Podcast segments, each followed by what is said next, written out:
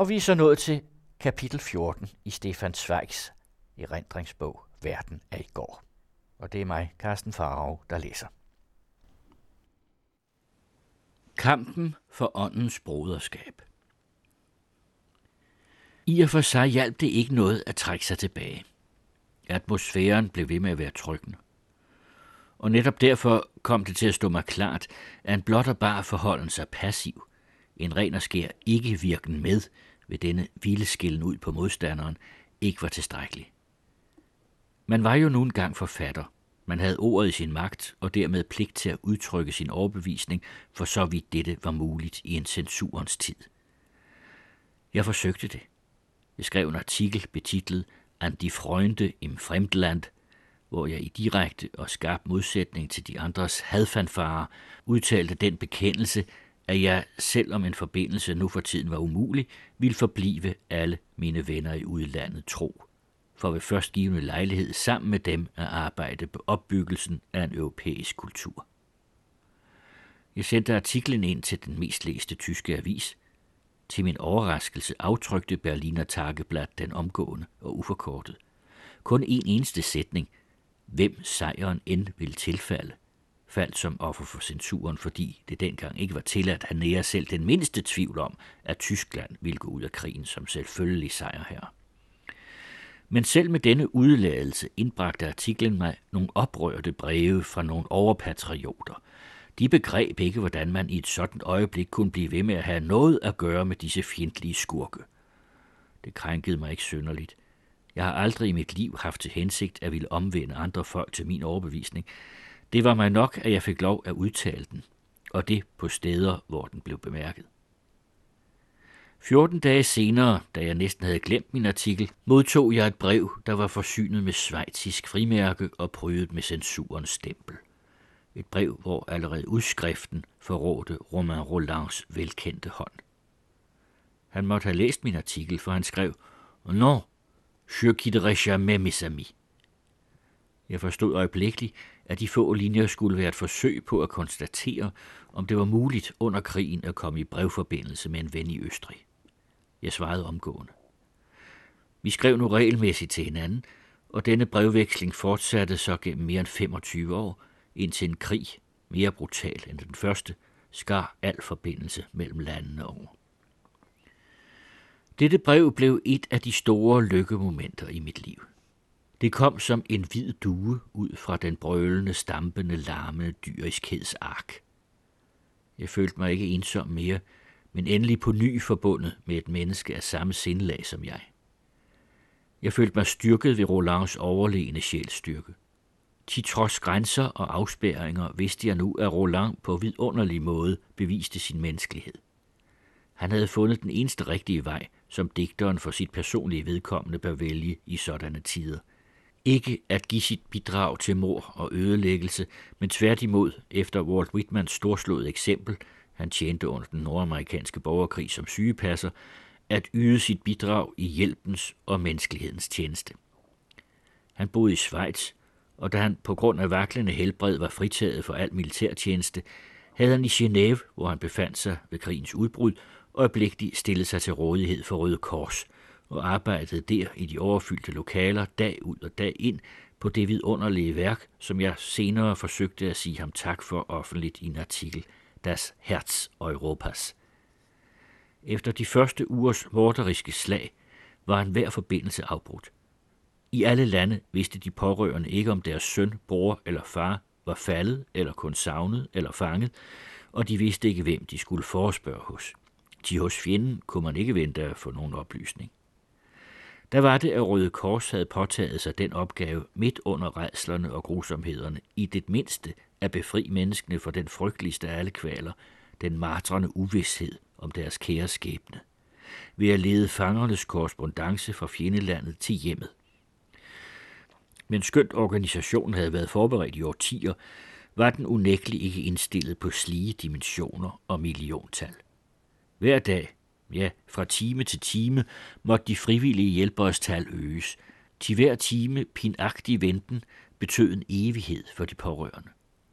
Allerede i slutningen af december 1914 dyngede hver eneste dag ca. 30.000 breve op, og til sidst var der i det trange muserat i Genève stuet 1200 mennesker sammen for at ordne og besvare den daglige post. Og i deres midte virkede, i stedet for egoistisk at dyrke egne arbejder, den mest menneskelige af altidens digtere, Romain Roland. Han havde heller ikke glemt sin anden opgave, kunstnerens pligt til at udtale sin overbevisning, selvom denne mødtes af modstand fra hans eget lands side, ja, af den hele krigsførende verdens vrede.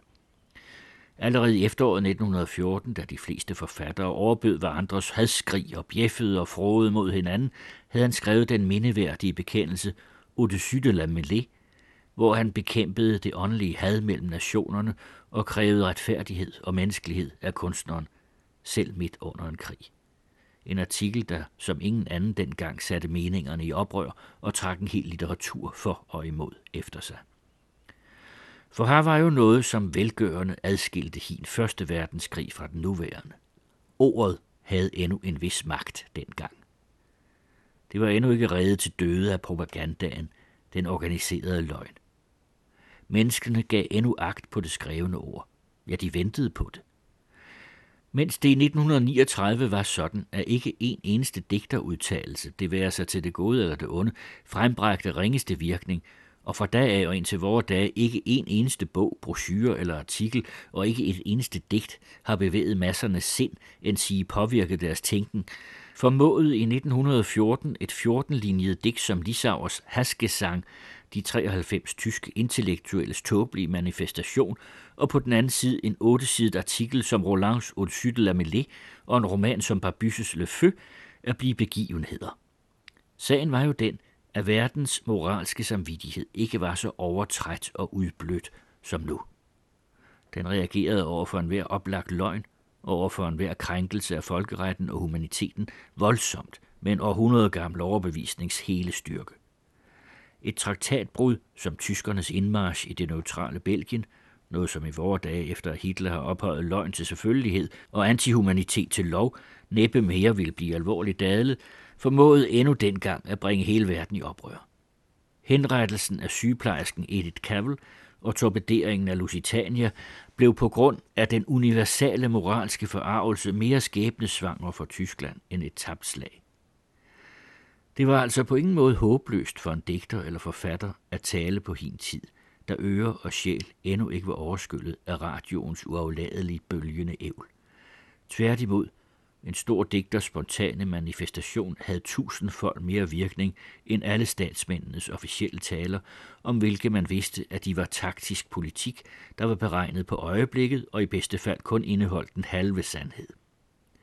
Også i dette, at man stolede på, at digteren var den bedste garant for det rene sindelag, viste hin senere så hårdt skuffet generation sin langt større trosevne.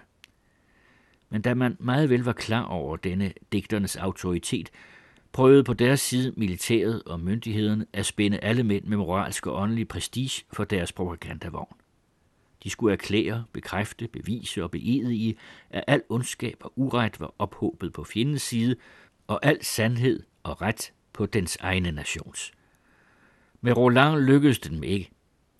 Han så det ikke som sin opgave at gøre den af hadet ophedet og med alle propagandamidler forpestede atmosfære endnu værre, men tværtimod at bidrage til at rense den. Den, som i dag på ny genlæser den berømte artikel Odyssey de la Mélisse 8 sider, kan måske ikke mere forstå den umådelige virkning, den i sin tid havde. Alt det Roland påstod i den, er jo dog kun, om man læser den med klare og rolige sanser, den mest selvfølgelige selvfølgelighed men disse ord blev udtalt til en samtid, der kendetegnedes ved en åndelig massegalskab, som i vore dage næppe lader sig rekonstruere. Da denne artikel fremkom, vrælede de franske overpatrioter op, som om de var sluppet til at få et stykke glødende jern i hånden. Fra den ene dag til den anden blev Roland boykottet af sine mest prøvede venner. Boghandlerne turde ikke mere lægge Jean-Christophe frem i deres butikker. Militærmyndighederne, som behøvede havet til at stimulere soldaterne, overvejede allerede at tage deres forholdsregler mod ham, og den ene brochure udkom efter den anden med argumentationen Ce qu'on donne pendant la guerre à l'humanité est volé à la patrie. Her som altid beviste brølet kun, at slaget havde ramt med fuld vægt. Diskussionen om, hvordan et åndsmenneske burde forholde sig under en krig, kunne ikke mere stanses. Problemet var uundgåeligt stillet for hver eneste af os. Nu da jeg skriver mine erindringer, er der intet, jeg beklager mere, end at Rolands breve til mig dengang ikke er tilgængelige for mig. Den tanke, at de kunne blive ødelagt eller gå tabt i denne nye syndflod, tynger mig som et ansvar. Til hvor højt jeg end elsker hans dækning, anser jeg det for muligt, at eftertiden vil henregne brevene til det skønneste og mest humane hans store hjerte og lidenskabelige forstand har skænket os. Skrevet som de er, er ind i sit inderste dyb rystet med lidende sjæl, og ud fra en magtesløs forbitrelses hele styrke til en ven på den anden side grænsen, altså en officiel fjende, udgør de måske de mest indtrængende moralske dokumenter fra en tid, da forståelse betød en uhyre kraftanstrengelse, og da netop troskab mod eget sindelag krævede et storladent mod. Inden længe udkrystalliseredes et positivt forslag af denne vores venskabelige brevveksling. Roland foreslog, at man skulle prøve at indbyde de vigtigste åndspersonligheder fra alle nationer til en konference i Schweiz, for at man kunne nå til en værdigere og mere ensartet holdning, og måske nå til at rette en solidarisk appel til verden i forståelsens ånd. Han ville fra Schweiz selv påtage sig at indbyde de franske og andre udenlandske intellektuelle til deltagelse. Jeg skulle så fra Østrig sondere vores egne og de tyske digtere og videnskabsmænd, for så vidt de ikke havde kompromitteret sig ved at deltage i den offentlige hadpropaganda. Jeg gik straks i gang med arbejdet. Tysklands vigtigste og mest repræsentative digter var dengang Gerhard Hauptmann. For at gøre et tilsavn eller en afvisning lettere for ham, ville jeg ikke vende mig direkte til ham, jeg skrev derfor til vores fælles ven Walter Rathenau og bad ham spørge sig fortroligt for hos Hauptmann. Rathenau afslog det. Jeg har aldrig erfaret, om det var med eller uden Hauptmanns billigelse. Han erklærede, at det endnu ikke var tid at bane vej for intellektuel fred. Hermed var forsøget egentlig strandet. Til Thomas Mann stod dengang i den anden lejr, havde just en artikel om Frederik den Store indtaget det tyske retsstandpunkt. Rilke, som jeg vidste stod på vores side, undrog sig af princip en hver offentlig og fælles optræden. Demel, den tidligere socialist, underskrev sig i breve med barnlig patriotisk stolthed, Leutnant Demel, og hvad Hofmannsthal og Jakob Wassermann angik, havde privat samtaler belært mig om, at der ikke kunne regnes med dem. Der var altså ikke meget at håbe på fra tysk side, og i Frankrig gik det ikke Roland stort bedre. Det var endnu for tidligt i 1914-15, Krigen var endnu for langt borte for menneskene bag fronterne. Vi stod alene. Og dog ikke helt alene.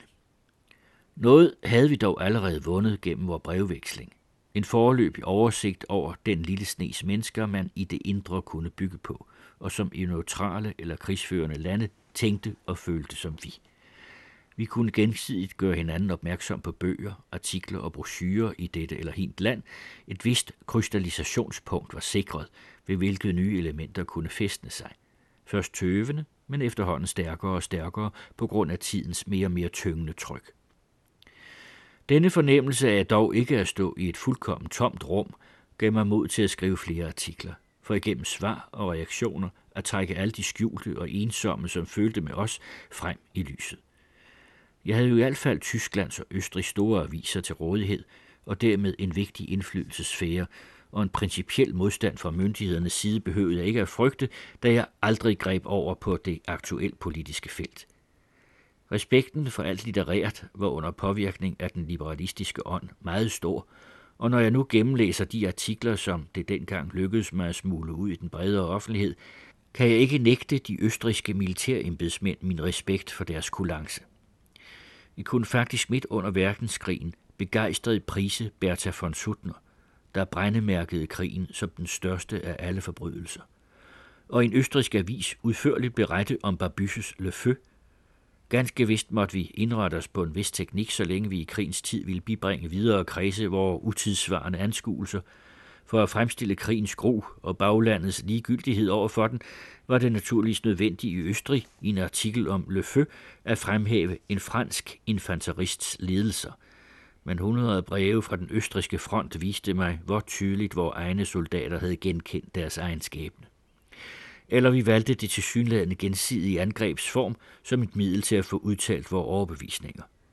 En af mine franske venner polemiserede således i Mercure de France mod min artikel til vennerne i udlandet, men i det han i den foregivende polemik i oversættelse aftrykte artiklen i hele dens længde, havde han lykkelig og vel fået smuglet den ind i Frankrig, og alle der i landet kunne læse den, hvilket var hensigten.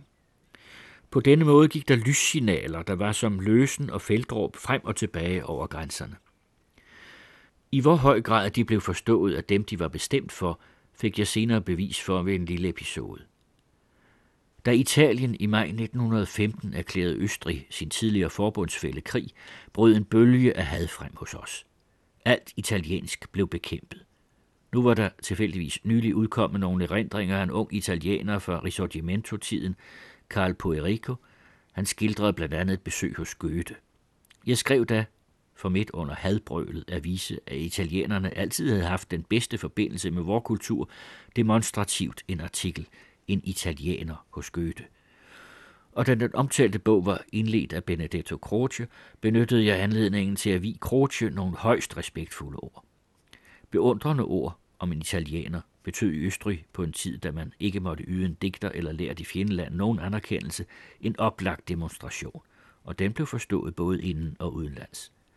Croce, der dengang var italiensk minister, fortalte mig senere, at en funktionær i ministeriet, der ikke selv kunne læse tysk, noget bestyrtet havde meddelt ham, at der i fjendens førende avis havde stået noget imod ham.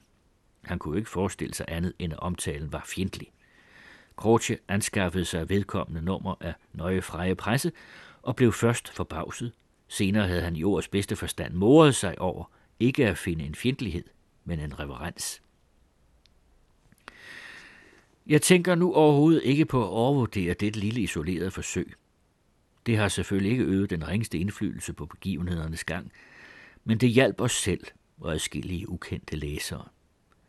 Det har mildet den græslige isolerthed, den sjælelige fortvivlelse, i hvilken et virkeligt menneskeligt følende menneske i det 20. århundrede befandt sig, og nu igen befinder sig efter 25 års forløb, lige så magtesløst over for det overmægtige, og det frygter jeg vel endnu endnu mere. Jeg var allerede dengang fuldt ud klar over, at jeg ikke med disse små velanbragte protester formåede at vælte den egentlige byrde fra mig. Og der begyndte da i mit sind langsomt at forme sig planen til et værk, i hvilket jeg ikke blot kunne komme med enkelstående udtalelser, men med hele min indstilling til tid og folk, katastrofe og krig. Men til at kunne fremstille krigen i en digterisk syntese manglede jeg egentlig det vigtigste. Jeg havde ikke set den. Jeg havde nu siddet næsten et år fast forankret på dette kontor, og ude i det usynlige fjerne gik det egentlige, krigens grusomme virkelighed for sig. Der var flere gange blevet tilbudt mig en lejlighed til at rejse til fronten. Tre store aviser havde anmodet mig om at tage til armeen som deres korrespondent, men dette ville have medført forpligtelse til i alle skildringer at fremstille krigen i udelukkende positiv og patriotisk belysning, og jeg havde tilsvoret mig selv en ed, som jeg også holdt i 1940, at jeg aldrig ville skrive et ord, som sagde ja til krigen og nedrakkede en anden nation. Nu viste der sig tilfældigvis en lejlighed. Den store østrisk-tyske offensiv havde om foråret 1915 gennembrudt den russiske linje og erobret Galicien og Polen i et eneste koncentrisk fremstød. Krigsarkivet ønskede nu at samle til sit bibliotek originalerne til alle de russiske proklamationer og opslag i det hidtil besatte østriske område, før de blev revet ned eller på anden måde til intet gjort. Obersten, som havde hørt om min samlerevne, spurgte mig, om jeg ville ordne de sager for arkivet. Jeg slog naturligvis straks til, og der blev udstedt et par tukort til mig, så jeg uden at være afhængig af nogen særlig myndighed og uden at stå direkte under noget kontor eller nogen foresat, kunne rejse med et hvilket som helst militærtog og frit kunne bevæge mig, hvorhen jeg ville, noget som førte til de mærkeligste små oplevelser. Jeg var nemlig ikke officer, men kun titulær oversergeant, og havde en uniform uden særlige distinktioner. Når jeg da fremviste mit mystiske dokument, vagte det en særlig respekt. De embedsmændene og officererne ved fronten formodede, at jeg var en forklædt generalstabsofficer eller rejste i en eller anden mystisk mission. Da jeg desuden undgik officersmesserne og kun tog ind på hoteller, fik jeg derved den fordel, at jeg kunne stå uden for det store maskineri og uden nogen slags fører kunne se, hvad jeg havde lyst til. Den egentlige opgave at samle proklamationerne tyngede mig ikke særligt. Hver gang jeg ankom til en by i Galicien, Tarnov, Drolobic, Lemberg, stod der ved banegården nogle jøder, såkaldte faktorer, der havde til opgave at besørge alt, hvad man bad dem om. Det var nok, når jeg sagde til en af disse universalpraktikusser, at jeg ville have alle den russiske okkupationsproklamationer og opslag. Straks løb faktoren som et væsel og gav af forborgende veje ordren videre til snese af underfaktorer, og efter tre timers forløb havde jeg, uden selv at være gået blot et skridt, materialet i den smuks tænkelige komplette samling. Takket være denne mønstergyldige organisation fik jeg tid til at se meget, og jeg så meget. Jeg så først og fremmest elendigheden blandt civilbefolkningen. Rejslen over det, de havde oplevet, lå endnu som en skygge over folks øjne. Blandt ghettobefolkningen oplevede jeg en armod, jeg aldrig havde troet mulig. Jøderne boede der 8 til 12 sammen i lavloftede stuer eller kælderrum, og jeg så for første gang fjenden. I Tarnau stødte jeg på den første transport af russiske krigsfanger. I en stor firkantet indhegning sad de på jorden og røg og snakkede, bevogtet for størstedelen af skækkede tyroler landstormsmænd, der så lige så forsømt og nedbrudt ud som fangerne, og kun i meget ringe grad lignede de flotte, velbarberede, blankt uniformerede soldater, vi hjemme så afbildet i de illustrerede blade.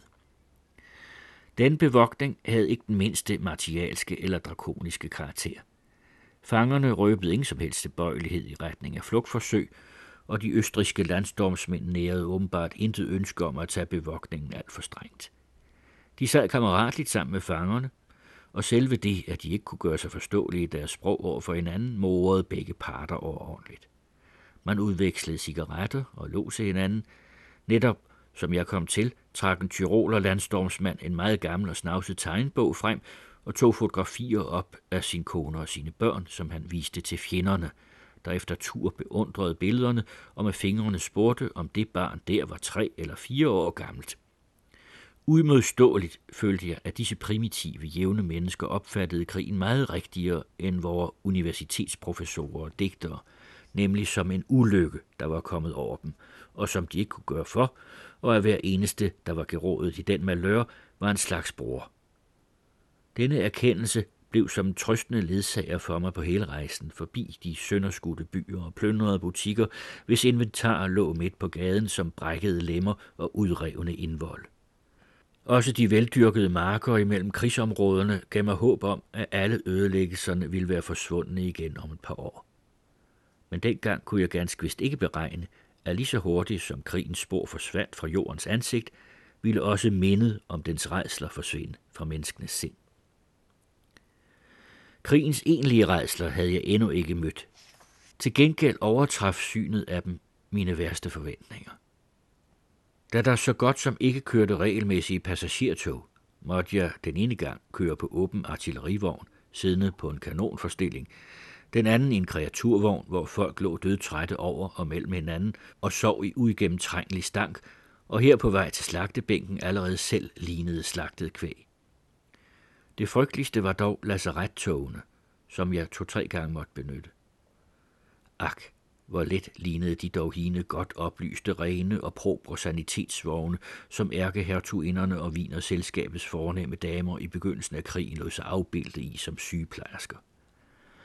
Hvad jeg her med gysen fik at se, var almindelige godsvogne, uden rigtige vinduer, kun forsynet med en snavset lue og indvendigt oplyst af tilrøjede olielamper.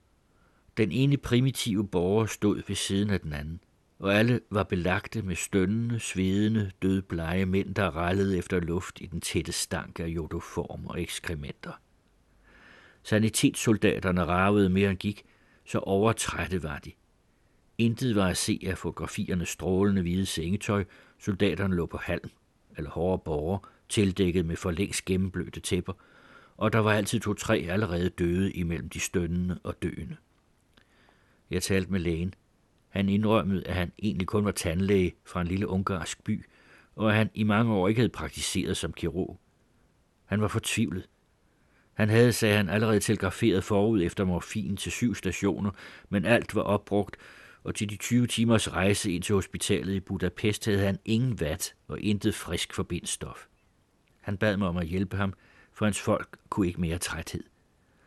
Så kluntet jeg var, prøvede jeg at hjælpe ham, og jeg kunne i det mindste gøre mig nyttig for så vidt, som jeg løb ud ved hver station og hjalp til med at slæbe et par spande vand ind.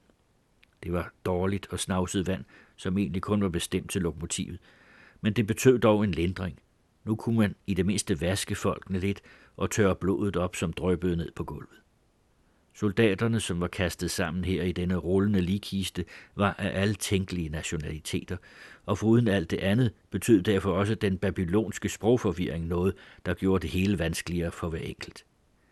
Hverken læge eller sygepasser forstod rutensk eller kroatisk – den eneste, der i nogen måde kunne hjælpe på det punkt, var en gammel hvidhåret præst, der, ligesom lægen var fortvivlet over manglen på morfin, på sin side rystede klagen over, at han ikke kunne udføre sine hellige pligter, fordi han manglede olie til at give de døende ved den sidste olie.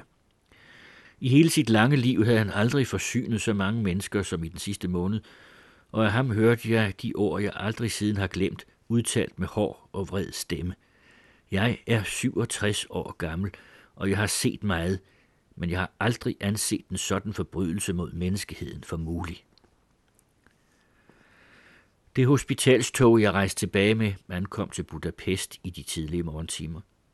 Jeg tog straks hen på et hotel for at få sovet. I toget havde der ikke været anden sideplads end min kuffert. Overtræt som jeg var, sov jeg til klokken 11 og klædte mig så hurtigt på for at gå hen og spise frokost men jeg havde næppe gået et par skridt, før jeg uafbrudt havde fornemmelsen af, at jeg måtte glide mine øjne. Må ikke jeg drømte? Det var en af de strålende dage, hvor morgenen er forår og middag en sommer, og Budapest var så smuk og frejdig som aldrig før. Damer i hvide kjoler promenerede arm i arm med officerer, der pludselig forekom mig at være officerer fra en ganske anden armé end den, jeg havde set i forgårs, ja så sent som i går – jeg selv havde endnu lugten af jodoform fra sygetransporten i mit tøj, i næsen og i munden, og nu så jeg, hvordan officererne gik og købte violbuketter og galant forærede damerne dem, og jeg så ulastlige biler med ulastlige herrer i køre gennem gaderne, og alt dette bare 8-9 hurtigtogstimer bort fra fronten. Men havde man ret til at bebrejde disse folk noget?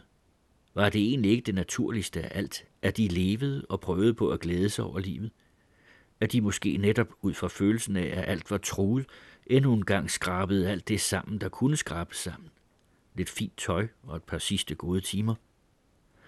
Netop når man, som jeg havde set, hvor sart og skrøbeligt et væsen mennesket er, som et lille stykke bly i en tusinde del af et sekund kan rive livet ud af med alle det erindringer og erfaringer og ekstaser, forstod man, at en sådan promenadeform af dag ved den blanke flod – kunne tvinge tusinder af mennesker ud for at se sol og for at føle sig selv, deres eget blod og deres eget liv endnu en gang med øget styrke.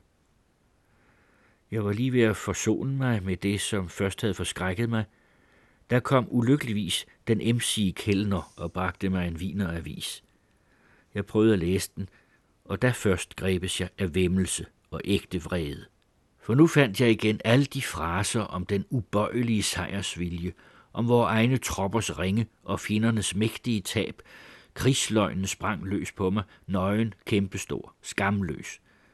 Nej, det var ikke de ubekymrede omkringdrivende promenadegængere, der var de skyldige, men dem, der med deres ord ophissede til krig. Og vi, også vi var skyldige, hvis vi ikke talte dem midt imod. Man måtte kæmpe mod krigen. Nu først havde jeg fået det rette stød frem efter. Stoffet lå parat inde i mig. Til at begynde med havde jeg kun savnet denne sidste anskuelige bekræftelse på mit instinkt.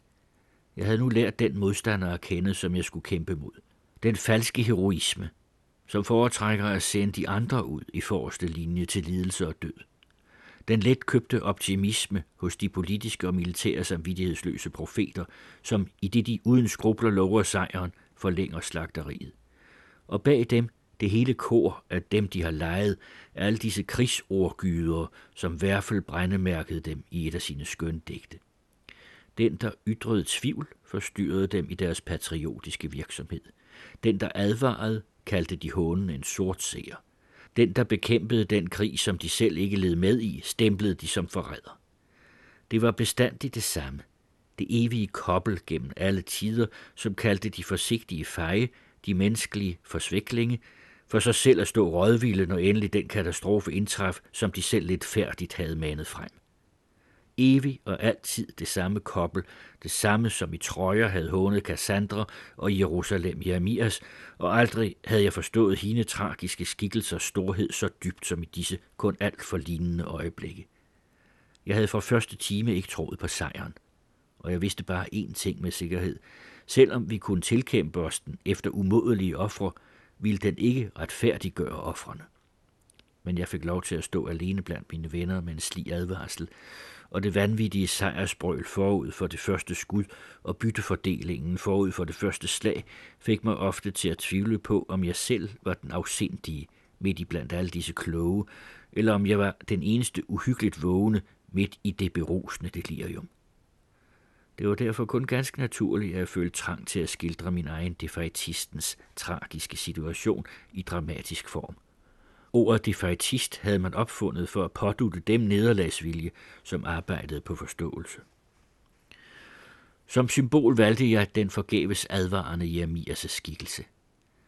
Det var mig på ingen måde om at gøre at skrive et pacifistisk stykke eller give digterisk udtryk for den banale sandhed, at fred er bedre end krig, men at vise, at den, der i begejstringens tid foragtes som svag og bange, i nederlagets øjeblik i reglen viser sig at være den eneste, der ikke bare kan udholde det, men mestre det. Lige siden mit første stykke, Tercites, havde problemet den besejredes overlegne sjælstyrke atter og atter optaget mig. Det fristede mig stadig at vise den åndelige forgrovelse, som enhver form for magt skaber i et menneske. Den sjælelige stivnen, som sejren bevirker hos hele folkeslag.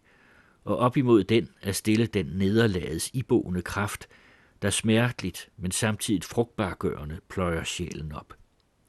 Midt under krigen, mens de andre endnu forhastet triumferende overbød hinanden i forsikringen om den usvigelige sikre sejr, kastede jeg mig allerede ned i katastrofens dybeste afgrund og søgte vejen opad. Men i det jeg valgte et tema fra Bibelen, havde jeg, uden at vide af det, rørt ved noget, som hidtil havde ligget unøttet i mig – det i blod eller tradition dunkelt begrundede fællesskab med det jødiske folks skæbne. Var det ikke netop det folk, mit folk, som atter og atter var blevet besejret af alle andre folk, igen og igen, altid og altid, og som dog overlevede dem alle ud fra en mystisk indre kraft. Netop kraften til gennem viljen at ændre nederlaget, atter og atter at komme igennem det. Havde de ikke forudsagt, vore profeter, at vores skæbne skulle blive de evigt jagedes og fordrevnes, den skæbne, som nu i dag igen kaster os som avner langs vejene, og havde de ikke bejaget denne undertrykkelse under magt og vold, og endnu velsignet den som en vej, der førte til Gud? Havde prøvelse ikke altid været en vinding for alle og for den enkelte? Jo, lykkelig følte jeg dette, mens jeg skrev på det nye drama – den første af mine bøger, jeg lod bestå for min egen kritik. Et ved jeg nu. Uden alt det, jeg dengang under krigen medfølende og forudfølende led, ville jeg være blevet ved med at være den forfatter, jeg havde været før krigen. Let bevæget, som det hedder i musiksproget, men aldrig grebet og ramt i mit inderste. Nu havde jeg for første gang følelsen af at tale på en gang ud af mig selv og ud af tiden. I det jeg prøvede på at hjælpe andre, hjalp jeg mig selv – jeg hjalp mig selv til at skabe mit mest private og personlige værk, ved siden af Erasmus, hvor jeg i 1934 i Hitlers dage kæmpede mig selv op fra en lignende krise. Fra det øjeblik, da jeg prøvede på at give tidens tragedie skikkelse, led jeg ikke mere så hårdt under den. At dette værk skulle få en synlig succes, tænkte jeg mig ikke et øjeblik. Ved så mange problemer, det profetiske, det pacifistiske og det jødiske, mødtes i denne dækning, og ved slutscenernes udformning til kor, der hævede sig til den besejrede hymne til sin skæbne, var værkets omfang vokset i den grad ud over at dramas normale størrelse, at en korrekt opførelse egentlig ville kræve to eller tre teateraftener. Og desuden, hvordan skulle et stykke, som varslede nederlaget, og til og med priste det, kunne komme op på en tysk scene, alt den stund aviserne dagligt udgjaldede deres sejre eller gå under – jeg måtte jo kalde det et under, om man bare turde så meget som trykkebogen. Men selv i værste fald, at jeg ikke engang kunne få den trygt, havde den i det mindste hjulpet mig selv gennem den tungeste tid. I digterværkets dialog havde jeg fået sagt alt det, jeg havde måttet fortige under samtaler med menneskene omkring mig. Den byrde, der lå på min sjæl, havde jeg slynget fra mig og var på ny blevet skænket til mig selv. Just i det øjeblik, da alt i mig var et nej til tiden, havde jeg kunne sige ja til mig selv. Stefan Zweigs Verden af i går er oversat af Helge Kærgaard. Og i næste kapitel skildrer Zweig blandt andet sit ophold i Schweiz hen mod krigens slutning, hvor hans antikrigsskuespil Jeremias skal opføres i Zürich. I Schweiz møder han mange kunstnere i landflygtighed, blandt andre den store belgiske grafiker Frans Maserel og den irske forfatter James Joyce.